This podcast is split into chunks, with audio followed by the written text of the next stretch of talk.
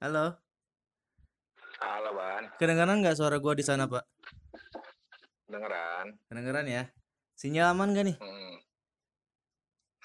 Aman lah, pakai 4G. Wih, mantap. Baterai aman? Baterai aman, 80%. Waduh, ngapain diperjelas juga sih, Pak? Gue cuma bilang ah, baterai aman atau kagak itu doang. Hubungan aman gak nih, Pak? Ya, biar lebih aman, Ban. Oh gitu ya. Gimana, gimana? Hubungan aman gak nih? Aman, Oh, siap. lancar. Siap, siap, siap. Oke deh, mari kita mulai. Hai, my name is Badan Menhat and welcome to this podcast. Dan ini merupakan apa ya bilang ya? Salah satu kolaborasi gua dengan salah satu dosen. eh, Pak, ini Bapak lagi ngajar apa gimana, Pak? BTW. Enggak, libur dong. Kita kan udah libur, Ban. Oh, libur dari kapan? Kemarin kan udah uas, udah dua minggu yang lalu lah anak-anak. Oh. Terus kita selama COVID ini juga belajar di rumah. Oh, pantesan ambil jatah siang, kirain lagi ngajar. Tahu-taunya. Enggak, kosong-kosong, Ban. Oh kosong ya. Oke deh. Eh ini hitungannya topiknya ya menge- mengenai event kan. Gue juga tahu kan bapak kan ya, you know lah. Bapak kan bagian dosen event kan. Kebetulan mungkin bapak juga udah pernah dengar juga podcast gue sama panggil apa ini, bang atau pak nih gue nih. Ah, bebas. Oh siap Asal ya. jangan tante, Ban. Wih siap. Oke oke. Dengan Bang Rizky yang mengenai apa mengenai event. Nah ini kan gue juga kolaborasi juga dengan Hmm. Bapak.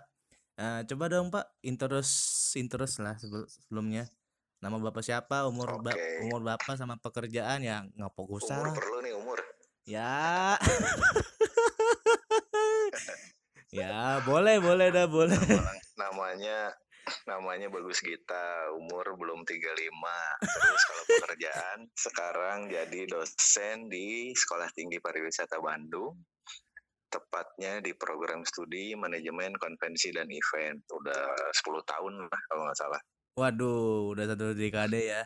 Nah, ini kan mengenai Betul. nah, ini kan mengenai event. Nah, sesuai dengan pekerjaan yang Bapak geluti bagian event. Nah, kita kan bahas Mm, mengenai new normal lah ya. Sekarang kan udah oke pemerintah pun udah menyetujui buat new normal kan. Apalagi kan hitungannya kalau untuk event kan ya sempat tertunda lah ya sama dua bulan, kurang lebih dua bulan lah ya untuk event penyelenggaraan offline ya event hitungannya. offline ya. ya Iya, Betul. offline. event offline betul Nah, apalagi kalau misalnya online kan ya banyak lah contohnya kayak ya di YouTube aja ke kita search aja di YouTube aja udah banyak Hmm, banget kan a- dari artis-artis Indonesia atau gimana-gimana. Nah, untuk yang event offline lah ya, ini kita bahas tentang event offline. Kalau saya online kan ya udah banyak banget apalagi di salah satu aplikasi namanya Zoom. Udah ada ya betul konser-konseran gitu-gituan. Nah, eh, menurut Bapak nih kan eh Bapak ya hitungannya sebagai akademisi lah ya, bukan sebagai orang betul yang pekerjaan di dunia event yang di lapangan.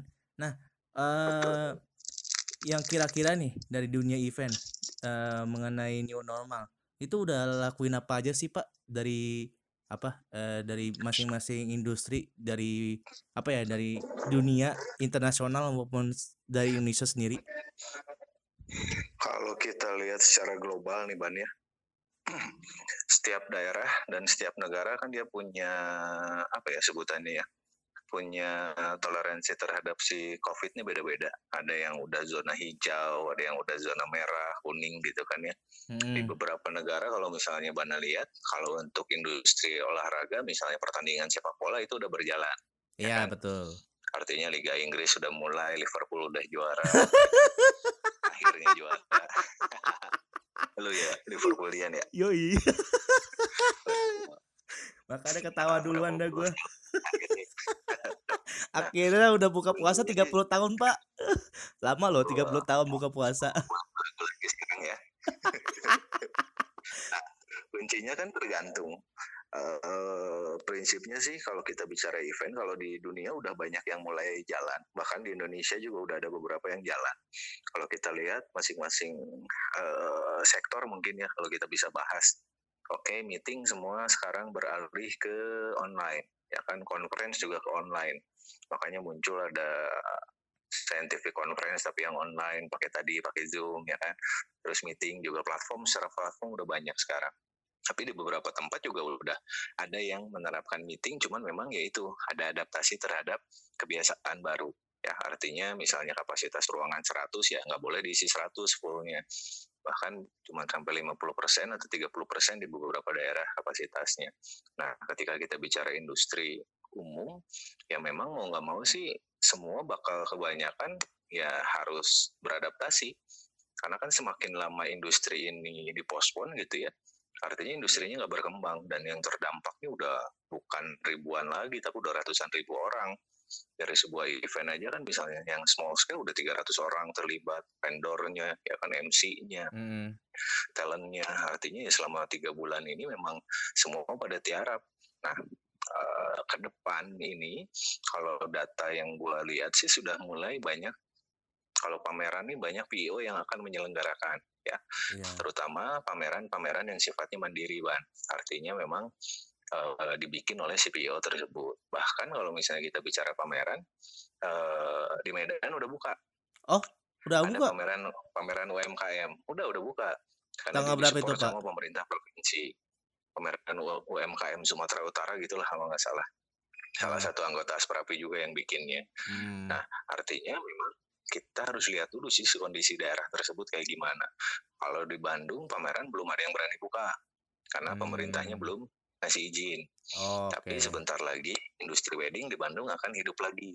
Karena kemarin uh, asosiasi wedding ada Astana atau apa gitu mereka udah menghadap ke wali kota, udah mengajukan konsep dan udah bikin simulasi bahkan simulasi kalau misalnya wedding di new normal tuh kayak gimana dari mulai pembatasan antrian orang masuk pembagian zonasi si gedungnya, terus nanti foto sama mempelainya dia dibatasi, ya kan? Ya, terus betul. dari sisi makan juga pilihannya bisa dua nanti, bisa di box atau bisa di serve sama si uh, catering. Artinya meminimalisir kontak antara satu orang dengan yang lainnya. Hmm. Bahkan sampai di depan gerbangnya aja udah mereka siapin apa ya yang penyemprot disinfektan itu tuh yang chamber ya kan yang ada iya, ruangan yeah, yeah, yeah, yeah. Uh, transparan disemprot disinfektan terus dicek suhu tubuh diminta buat cuci tangan dulu sebelum masuk terus artinya ya mau nggak mau sebetulnya industri event harus beradaptasi ban karena kalau hmm. ya profit tambah turun kan nggak bisa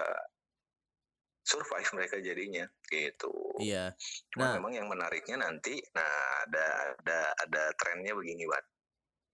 Sementara kan kita tahunya event tuh ada yang on, ada yang offline, yang live gitu, yang biasa. Yeah. Terus ada yang uh, online. Sekarang lagi trending nih. Iya. Yeah.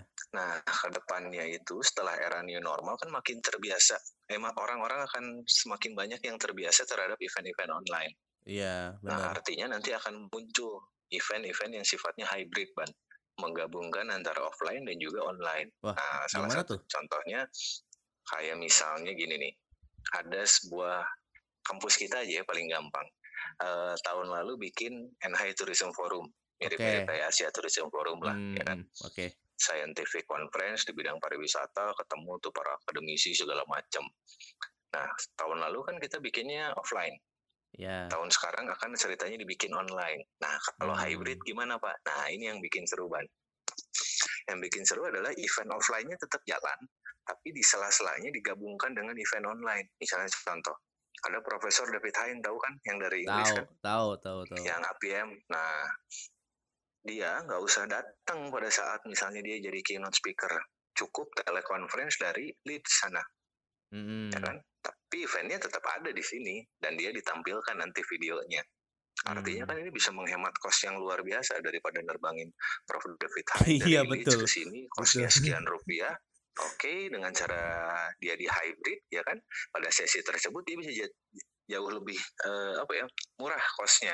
Hmm. Dan itu juga kan jadi benefit buat si organizer. Artinya banyak saving dari pos-pos lain yang bisa di uh, dapat itu ceritanya dan ke depan juga akan banyak model kayak gini artinya uh, offline-nya jalan online-nya jalan hybridnya juga jalan ada banyak penggabungan meskipun nanti ujung-ujungnya kembali lagi ke seleksi alam ya mungkin ada yang demennya eventnya online kalau klien ada yang demennya offline nah tapi kan kita sebagai Hmm. organizer harus siap ketika ada yang pengen hybrid gitu Oh gitu ya. artinya kalau iya artinya kalau dari sisi teknologi kan sebetulnya sekarang udah udah mumpuni ya Wah udah canggih artinya banget udah pak. canggih Apalagi saya udah udah 5G. canggih banget betul.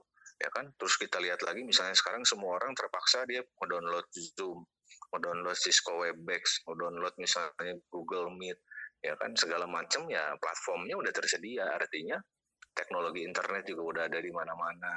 Kalau nggak bisa pakai eh, jaringan wifi atau kabel ya bisa pakai kuota handphone gitu kan misalnya. Mm. nah artinya secara teknologi udah mungkin ya tinggal sekarang. Nah yang paling seru adalah manusianya Apakah dia mager atau kagak? sanggup atau enggak gitu tapi kan yang namanya manusia kadang kalau kata orang Sunda mah kalau bakat ya bakatku butuh gitu kan ya Iya. jadi memang harus gara-gara dapur eh apa dapur harus ngebul ya mau nggak mau ya harus survive gitu Ya kayak se- semua sektor dah pak ya, nggak cuman event doang dah. gitu pak. Iya cuman memang khusus event karena dia mengumpulkan masa dalam jumlah banyak jadi terdampak ban gitu Iya. Nah. apalagi kalau sektor pariwisata umum kan pasti kena Hmm, kena, betul. kena banget lah itu karena perpindahan orang kan sangat dibatasi Mm. Ya sekarang Bana tahu sendiri kan kalau misalnya kita mau naik pesawat aja harus rapid test. Ada Iya. beberapa daerah yang harus sampai swab test. Nah dari situ aja kan Hmm. costnya udah tinggi. Iya Jadi betul. kan sekarang orang masih masih ngejarnya meeting meeting online kan kalau nggak ketopet-topet amat mah nggak usah lah meeting eh, ketemuan supaya menghindari Covid. penambahan jumlah yang terdampak COVID Hmm, gitu. betul. Nah. Nah, yang mengenai tadi Bapak bilang kan bahwa ada pameran yang udah diselenggarakan di Medan. Nah, itu emang kapan, Pak? Kok gua baru dengar kabar? Emang kayak Ada bulan sekarang bulan apa? Bulan Juni ya antara akhir Mei atau awal Juni deh Ban. Oh, oke oke. Berapa hari tuh, Pak? Saya lupa antara tiga tiga harian kalau nggak salah. Tiga harian. UMKM deh yang bikin Pak Didit ketua Asperapi Medan eh Sumatera Utara maaf Hmm, oke oke oke. Enggak, maksudnya kayak kalau dari segi industri pameran sendiri, mungkin kayak mungkin baru pertama kali yang tadi Bapak bilang ya, kayak udah diselenggarain gitu kan. Hmm, betul Ada rancangan lagi nggak sih kayak misalnya kayak di kota-kota yang kira-kira yang udah disetujui sama pemerintah gitu yang kayak ya udahlah buka aja gitu eh, event pameran atau mungkin event-event yang apa gitu kan festival atau gimana gimana Oke. gitu. Nah ini, ini gue sudah antisipasi jawabannya pakai data artinya udah siapin biar nanti listenernya podcast Bana udah bisa ketahuan bakal ada event apa aja yang besar-besar terjadi di Indonesia tapi kuncinya gini kalau secara asosiasi dan pemerintah sebetulnya mereka masih dalam tahap merumuskan gimana ceritanya bikin SOP buat new normal Hmm. ya untuk setiap jenis event. Artinya Kementerian Pariwisata itu lagi merumuskan sama Evendo, sama Asprapi, sama Inka dan lain sebagainya lah pokoknya mereka lagi duduk bareng supaya eh, semua ini satu paham. Oke, kalau mau bikin event ini prosedurnya harus begini. Kalau mau bikin event itu prosedurnya harus begitu. Nah, itu mereka lagi duduk bareng. Sambil menunggu mereka duduk bareng, sudah ada beberapa organizer memang yang menetapkan tanggal. Mereka bakal bikin event. Ya. Hmm. Nah, yang seru itu adalah tahu Gias nggak, Ban? Oh, Gias tahu Ya gua. kan yang Iya, eventnya tahu tahu. Gaikindo tuh, ya iya kan tahu yang tahu. di AIS BSD. Hmm. Itu sampai sekarang masih on schedule di 22 Oktober sampai 1 November di AIS. Oke, ah. Oke, itu di AIS ya kalau pameran. Terus ada juga Diandra. Diandra juga dia punya bulan Juli depan itu ada Jakarta Wedding Festival di JCC 24 sampai 26. Oke. Oke, terus ada Wedding Celebration Festival itu 27 29 November di JCC bareng sama Indonesia eh, Islamic Festival. Oh, tapi satu organizer itu, Pak. Ya, Diandra, Diandra Promosindo. Waduh. Oke, oke ya. Terus Terus Kick, Kick Fest juga sama di Nah. Malang itu rencana 4 sampai 6 September. Di Bandung hmm. 5 sampai 8 November. Ya itu Hmm. masih on schedule. Oh, masih on Terus schedule. Oke. IMS. Ya, masih belum digeser jadi sama mereka. Ah, Bahkan sudah dirilis kemarin infonya bahwa tetap akan diselenggarakan. hmm. Terus eh Diandra kan punya juga Indonesia International Motor Show, ya kan? Iya, ta- Ya, IMS tuh. ya iya. kan? IMS tapi ke tahun ini kalau yang di Jakarta dia dipospon jadi tahun depan, tapi yang di Surabaya tetap digelar tanggal 11 sampai 15 November Oh, di Grand City oke. Convex. Hmm. Terus dia juga tetap mau bikin Indie Clothing Expo di Surabaya tanggal 4 sampai 6 Desember. Hmm. Kalau dari pameran ya. Terus ada lagi kalau Napindo. Nah, Napindo juga seru nih. Indo Defense masih on schedule 4 sampai 7 November di GI Expo. Oke. Nah, ini juga jadi seru karena pesertanya ini internasional, ya kan? Waduh. Banyak bayar-bayar dari luar negeri. Nah, ini juga saya pengen tertarik ngelihat eh, adaptasi mereka terhadap new normal nih kayak gimana. Iya Bakalan sih. menarik nih Ban nanti Ban. Terus dia juga punya kalau di ICE tanggal 25 27 eh, November itu ada Indo Water, Indo Waste, Indo Energy sama Indo Cooltech tetap bakal Hmm. dibikin sama Napindo. Oke, oke. Dan yang paling seru lagi adalah konser. Nah, Nah, itu dia pertanyaan paling highlight itu. konser ini yang offline ya, bukan yang online ya, bukan yang virtual penyanyinya di rumah terus pakai Zoom, pakai YouTube gitu. Ini yang real konser. Itu rencananya akan ada di Synchronize Festival punyanya di Andra Promosindo di Gambir Expo Kemayoran tanggal 2 sampai 4 Oktober. Nah, ini Hmm. bakalan seru juga menarik, Ban. Buat nanti kita ngecek tanggal segitu, kira-kira gimana sih Iya. eh, pembatasan manusianya? Karena kalau dari sisi organizer kan sebetulnya tentang crowd management ya. Iya, betul. Tentang eh, satu crowd management, dua adalah si protokol kesehatan tadi. Nah, ketika kita bicara pameran, oke, nanti ceritanya dia nggak akan ada zona orang boleh masuk ke dalam booth, lihat-lihat, cuman di luar aja, artinya area informasi, area transaksi itu akan dibatasi. Tapi kalau konser kan beda lagi ceritanya. Wah, konser kan iya. udah pasti kalau nggak jingkrak-jingkrak kan kurang seru. Iya, Kalau apalagi nggak kan loncat-loncat. eh, Nah, iya. ini yang jadi salah satu apa ya saya pengen lihat juga di Synchronize Festival tanggal 2 sampai 4 Oktober nih kayak gimana. Hmm.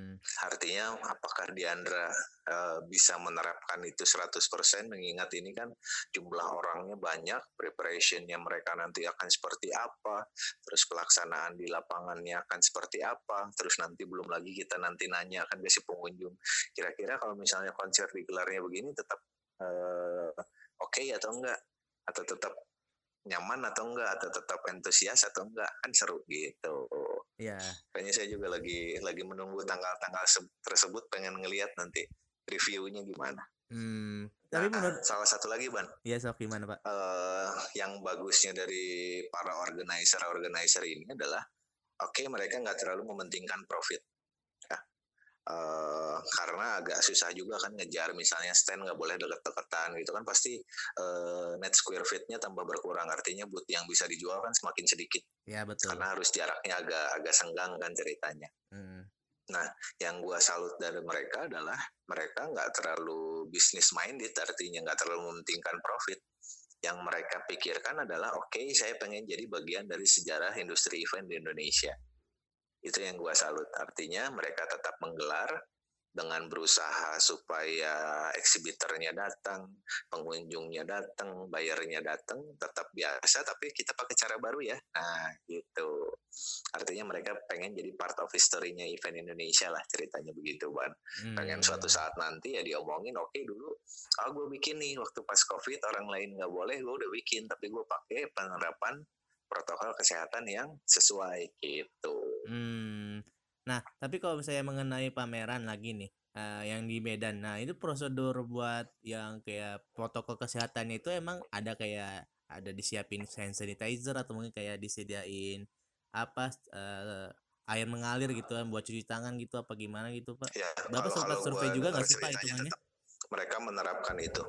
Artinya pengunjung dari mulai masuk ke pintu gerbangnya diperiksa suhu. Ntar begitu mereka udah parkir mau masuk ke sana di- eh, diperiksa lagi suhu, terus mereka disuruh cuci tangan dan lain sebagainya. Tapi ini gue baru dengar cerita ya. Artinya cerita orang ketiga.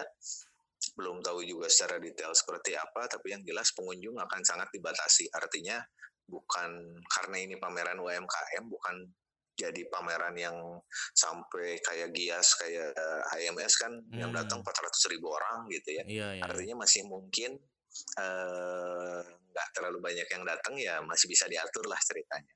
Tapi yang seru nih Hmm. justru gue pengen lihatnya di Gias. Gias kan ya normal aja udah 300 ribu, 350 ribu, 400 ribu yang datang kan Iya, iya. selama 11 hari. Heeh. 11 eh, 10 sampai 11 hari. Artinya ketika mereka datang sekarang nih jumlahnya bakal banyak atau enggak.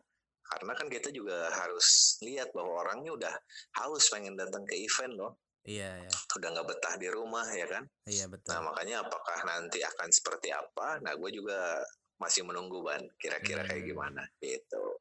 Untuk yang mengenai event di luar negeri nih, Pak. Mungkin Bapak udah pernah tahu juga kan Hmm. kayak ada orang konseran eh, tapi dudu- biasanya kalau misalnya kalau di festival kan biasanya kan orang kayak jika-jika tadi Bapak bilang kan. Ini justru ada cerita di Jerman, mungkin Bapak udah pernah dengar kayak drive thru gitu loh, Pak. Nontonnya drive thru Ya. pakai mobil gitu. Drive in, Nah, drive in, ah, drive-thru. drive thru lagi astaga, drive kayak in, ya kan? udah kayak makan di McD gua. bioskop-bioskop di luar negeri kan? Iya, ah, ah. Nah, Nah, itu kalau saya di Indonesia itu ada nggak sih Pak menurut mana ya? Bapak? Di Indonesia, Ah, ah. di Indonesia belum karena lahannya nggak ada yang gede ban. Gampangnya pertanyaannya dijawabnya begitu. karena lahannya nggak ada yang gede. Ya kan kecuali GBK, tapi GBK juga nggak bisa disulap jadi mobil masuk kan? Ya, artinya kalau misalnya oke, kalau misalnya 10.000 ribu orang butuh sekian meter persegi, tapi kalau pakai mobil kan butuh lebih banyak. Iya sih. Nah di Indonesia salah satu yang nggak bisa diterapin adalah itu gara-gara kita nggak punya lapang yang gede. Iya, ya.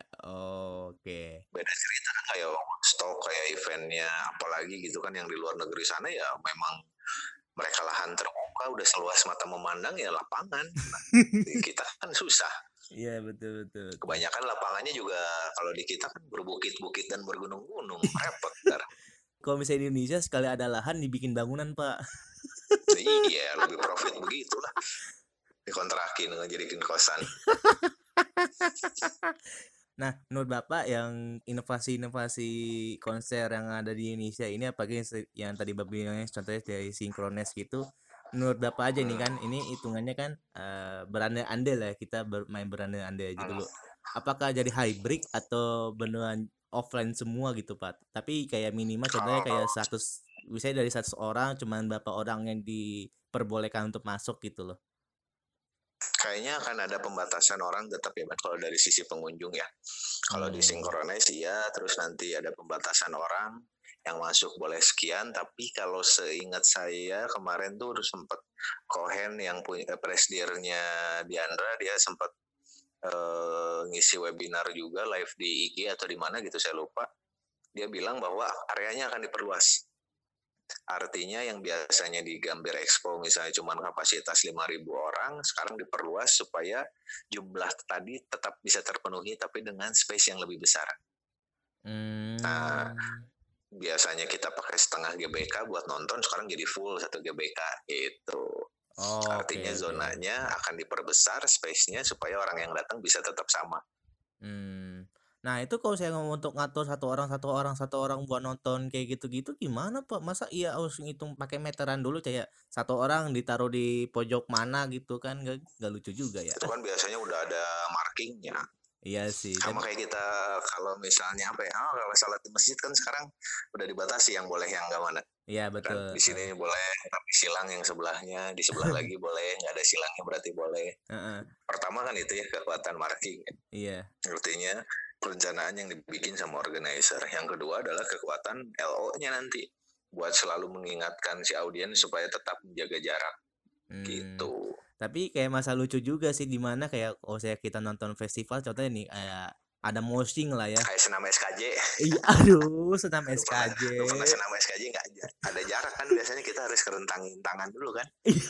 sebelum senam supaya nggak kesenggol sama yang sebelah nah Iya, iya, betul betul betul. kayaknya betul, sih betul. bakal kayak gitu ya kayaknya Iya. makanya nanti kita lihat lah pas synchronize gue juga pengen ngecek uh, gimana mereka bisa beradaptasi tapi yang jelas sih salah satu yang harus diingat ban yang namanya organizer mah dia harus kreatif Iya, betul. kreatif terutama ketika mereka di challenge ada masalah begini kan udah ya cincai lah buat orang event mah tinggal oke berarti plan A nya begini plan B nya begini yang nggak boleh begini berarti kita solusinya begini yang nggak boleh begitu solusinya begitu kan gampang Hmm.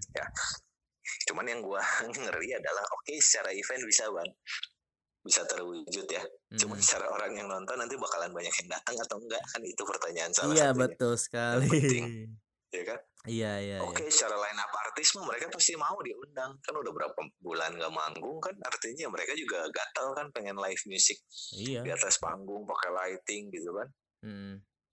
Cuman masalahnya nanti orangnya ada nggak nih yang datang? Nah, tapi saya saya yakin juga gini sih fenomena menarik juga ketika Gias sama IMS kan pecah ya. Saya lupa tahun 2014 atau 2015 gitu. Hmm. Uh, yang menariknya adalah mereka dua-duanya eventnya diselenggarakan dalam waktu yang sama, durasi harinya sama, tempatnya beda. Yang satu di GI Expo, IMS, atau lagi di ICE. Fenomena menariknya adalah kirain kan pengunjung bakal kepecah dua. Ya, pasti. Setengah yang ke ICE, setengah ke yang yes. GI Expo, setengah ke GIAS, setengah ke IMS. Ternyata kan aktualnya orang jadi penasaran kan. Jadi malah datang kedua-duanya. Jadi masing-masing itu pendat, pendat, apa ya pengunjungnya itu hampir di atas 300 ribu waktu itu. Hmm, ya, ya, itu yang ya. salah satu kita nggak bisa prediksi dari si pengunjung. Salah satunya adalah itu. Karena mereka juga pengen tahu dong, eh gue juga pengen lihat dong konser era new normal nih kayak gimana sih. Iya iya betul betul betul. Pasti banyak yang sepemikiran sama gue. Pasti mereka ujung-ujungnya ah gue pengen datang ah pengen nonton bukan cuma pengen ngelihat artisnya ya cuma pengen ngelihat nanti si organizer ya gimana ya gue nonton konser sambil harus jaga jarak. Nah kan gitu. Iya, maksudnya kan kalau misalnya hitungannya five five nya event justru baru-baru ya bulan-bulan inilah ya kalau saya uh, yang lainnya. Contohnya kayak mau mall dibuka lah ya mall mall dibuka kan baru bu, baru bulan-bulan ini apalagi buat di Jakarta doang kan bukan di Bandung atau di kota-kota yang lain hmm, yang gitu masih kayak belum kita masih simulasi. Nah hitungannya kayak kepo lah ya. Kepo pertama iya, yang kedua atau mungkin kayak kepo itu yang harus dimanfaatkan biasanya.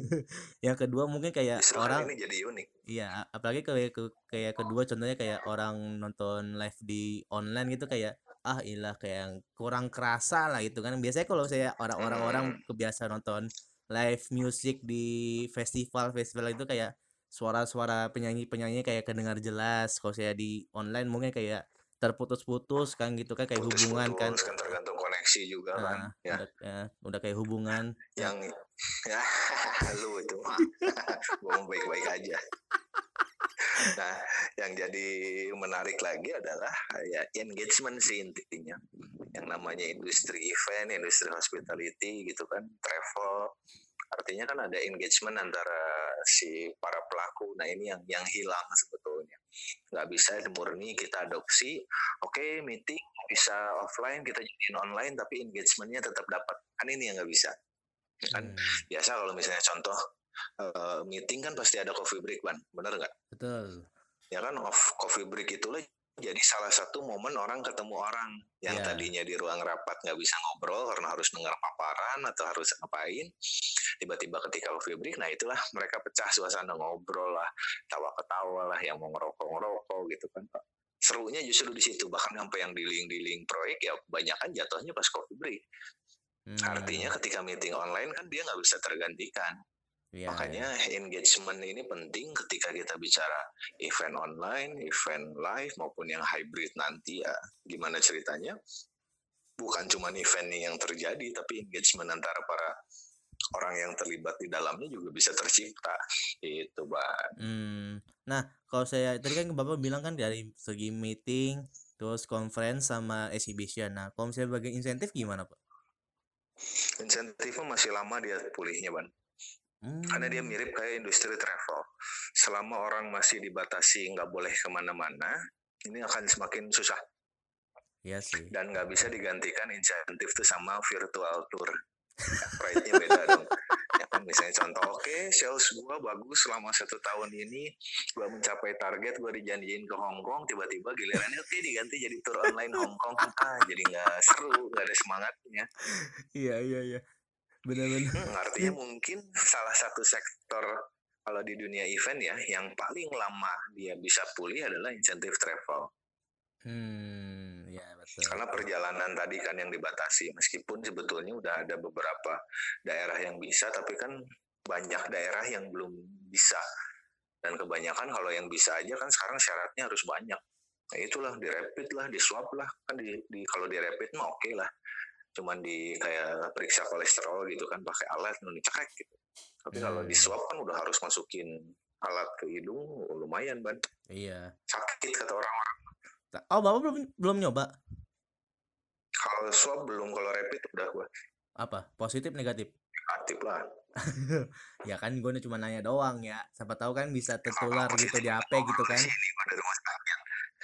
gimana pak? Kagak boleh main handphone. Oh gitu ya, ya. positif gue nggak boleh main handphone. Oh, gue lagi di iya. rumah sakit sekarang. Waduh aduh. Aduh aduh aduh nah mungkin bapak udah hmm. punya database ya? Mungkin kayak uh, kira-kira kalau sarang-sarang ini kita tapping pas tanggal 26 Juni 2020 uh, daerah-daerah mana aja sih yang kira-kira udah diperbolehkan gitu untuk buat event pak kalau ini bisa berubah dalam waktu cepat, Wan. Artinya hmm. begitu dia daerahnya udah langsung merah lagi, udah berarti perizinan nggak boleh aja. Hmm. Nah, yang salah satu gua pengen telusuri lebih lanjut, ini jadi satu data yang menarik ya. Sebetulnya event-event yang gua sebutin tadi itu, apakah udah diizinin atau belum, gua belum tahu. Iya baik dari pemerintah maupun dari kepolisian ya. Karena kalau pemerintah biasanya nyerahinnya izinnya dari polisi. Artinya kalau misalnya polisi sudah memperbolehkan sih harusnya aman. Tapi hmm. yang kita bisa lihat sekilas adalah gini ban. Kalau sampai si organizer tadi berani memposting ya kan oke okay, pameran tetap terselenggara tanggal sekian. Otomatis kan berarti perizinannya udah dapat benar gak? Iya betul Uh, setidaknya udah ada setidaknya udah ada kepastian Cuman lah ya. iya betul. Artinya mungkin dia sudah ada audiensi dengan pemerintah atau dengan pihak kepolisian. Dia udah bawa nih konsepnya akan seperti ini, ya kan? Pencegahannya begini, penanganannya begini, cara kita mendeteksinya nanti begini. Nah, artinya mungkin uh, secara di balik layar yang kita nggak tahu adalah bahwa itu sudah terjadi. Artinya memang izin udah dikeluarin sama mereka. Cuman memang ada syarat-syarat yang harus dipenuhi. Entah itu misalnya penonton harus pakai masker kah harus cuci tangan dulu kah harus di cek suhu atau mungkin bahkan bisa sampai di rapid test dulu ban. Waduh, lama banget cuma nonton cuma numpang nonton doang. Itu pun kalau nonton konser pun diri ya. Cepet kalau rapid mah cuma 5 eh 10 menit udah keluar hasilnya. Iya, masalahnya kan 10 menit, 10 kali berapa penonton kan lama lagi kan buat apa nonton nah, nonton kan tergantung mesinnya nanti mesin pengecekannya kalau ada banyak mah gampang dan ini gue kebayang-bayang apalagi kalau misalnya kita kita kan nonton festival kan biasanya diri apakah nanti duduk hmm. dikasih kalau duduk kosnya terlalu tinggi bang Enggak, maksudnya kayak dikasih duduk kayak tempat duduk bakso gitu loh, Pak. Atau mungkin kayak tempat duduk yang selonjoran gitu. Justru nggak boleh tempat. Oh iya, tempat duduknya tapi yang single ya, baksonya bukan iya, yang panjang ah, ya. betul. Uh. Kalau yang panjang justru nggak boleh. Iya. Kalau yang single mah kayaknya enggak deh. Hmm, Karena kos lagi lah gila nyewa gitu aja udah berapa duit buat nyewa kursi doang. Belum dia nyediain disinfektan, belum dia nyediain apa? sanitizer kan. Iya. Belum nyediain nanti termogan Iya. Masalahnya kayak panjang, kayaknya mending disuruh berdiri. Cuman feeling gua sih bakal di kotak-kotakin ya. Ada yang nggak boleh berdiri, ada yang boleh berdiri. Ntar ada kayak polisi COVID-nya gitu kan yang oh ini jangan bergerombol, geser geser geser. Nah, gitu. Wah jadi jadi hitungannya kontrolnya bukan dari pihak staffnya doang kan ada tambah lagi dari polisinya gitu kali ya. hmm, pasti pasti mereka ikutan lah. Intinya kan kita mencegah supaya jumlah jangan sampai uh, beban moralnya kan gini. Jangan sampai kita bikin event nanti malah nambah klaster COVID baru hal itu kita juga nggak mau. Hmm. Artinya pihak organizer di mana pun juga pasti nggak mau eventnya nanti gara-gara eh apa eventnya menjadi biang kerok penyebaran COVID baru kan. Iya. Pasti mereka akan prevent lebih banyak sih. Hmm, okay gitu, Ban. Uh, mungkin ada lagi nggak sih pak yang bapak pengen sampaikan gitu? Atau mungkin kayak pertanyaan-pertanyaan gue ada yang miss gitu dari mengenai Enggak topik kita kali ini? sebetulnya. Artinya prinsipnya kan ya tadi sih gagasan pentingnya ya orang event mah harus tetap kreatif dan survive kan kalau saya dari pihak STP sendiri kan gue juga udah pernah lihat kan dari kreatif event. Apakah hybrid juga pak? Ada offline dan online juga kalau sekarang kita mau bikin uh, online ban Oh, online. Kita online tahun ya? tadinya kita mau bikin offline gara-gara kan ngelihat oke okay, masa pandemi kata pemerintah kan sampai tanggal 29 Mei itu kata yang badan apa penanggulangan Covid itu gugus tugas. mereka menetapkan oke okay, kita bikin di Juli masih ada spare waktu lah dua bulan gitu kan tapi hmm. ternyata kan perkembangannya bukan tambah menurun nih kasus tapi tambah meningkat udah akhirnya hmm. kita shifting uh, eventnya kita bikin offline eh kita bikin online tahun ini itu rencananya ada skateboard competition ban hmm. online Nah, oh. bingung kan gimana ceritanya? Berarti inspirasinya dari yang kayak maaf kata ya. Jadi kan kayak uh, aku pernah lihat-lihat dari event-event kayak mirip-mirip serupa tapi biasanya orang orang lari kan orang lari cuma 100 meter, 500 meter gitu tapi dapat medali gitu. Mungkin inspirasi dari situ juga kali oh, kayak. emang enggak. Kita mau beda. Oh. Kita ada dua versi, Ban. Jadi ceritanya online-nya itu mereka uh, eventnya nanti ya mulai dari tanggal 11 Juli mereka boleh daftar terus nanti babak finalnya di 19-20 Juli terus pengumumannya nanti ada podcast juga sama Pevi itu atlet skateboard Indonesia salah satu yang paling keren dan dapat medali medali juga kemarin pas SEA Games atau Asian Games gitu saya lupa. Hmm. Nah kuncinya adalah ada momen mereka nampilin video buat seleksi ketika mereka lagi ngetrik ya babak awalnya. Terus nanti babak finalnya adalah mereka live pakai platform entah itu Zoom entah itu Google Meet di depan juri. Mereka ngetrik nanti. Itu oh berarti hitungannya yang para skateboarders ini kayak e, ngerekam satu menit gitu kan atau mungkin ngerekam mereka main skateboard gitu baru dikirim ke ya. panitia gitu ya? Ya buat yang seleksi ya, buat yang awal ya nanti kita pilih ada 10 uh, eh, atlet terbaik dari dua kategori. Nah, babak finalnya nanti mereka live di depan dewan juri, tapi nggak langsung ya, mereka live-nya online juga gitu. Oke oke paham paham paham. Uh, mungkin kayak ini nggak us topik ini nggak usah pakai kesan pesan kan Pak? Nggak usah. Nggak usah ya. tetap semangat aja. Tetap kreatif mencari cuan lah gitu. Waduh, cuan cuan dan cuan tidak bisa dilepaskan. Oke deh, thank you Pak atas waktunya. Oke, Pak. Jangan lupa follow IG kreatif eventnya anak-anak. Wih, udah apa? Sekarang IG-nya Skate the Freak Up. Udah, nah, udah. Itu mah gue udah. Itu mah gue udah. Hmm, ya. Jadi para pendengar podcast Bana juga jangan lupa. Oke deh. follow IG-nya. IG saya. Waduh, sekalian promosi juga nih, Bapak. Oke deh. Iya, iya. Oke deh, thank you Pak ya atas satunya. Sorry banget ganggu okay, Bapak sebelumnya. Sukses terus ya, Ban. Amin, amin. Dan berikut merupakan podcast gua dengan salah satu port, salah satu dosen gua. Ini Bapak termasuk dosen pertama kali loh, Pak, yang hadir di podcast gua. Si Rizky udah si Rizky belum si instrukturnya masih cukup. Ya oke deh oke deh. belum tinggi. Iya ada pak ah, maaf yang udah S2 mah beda ah, ah. oke deh. Dan berikut merupakan podcast episode kali ini dan sampai jumpa di episode ke depan. Dadah. Oke okay, thank you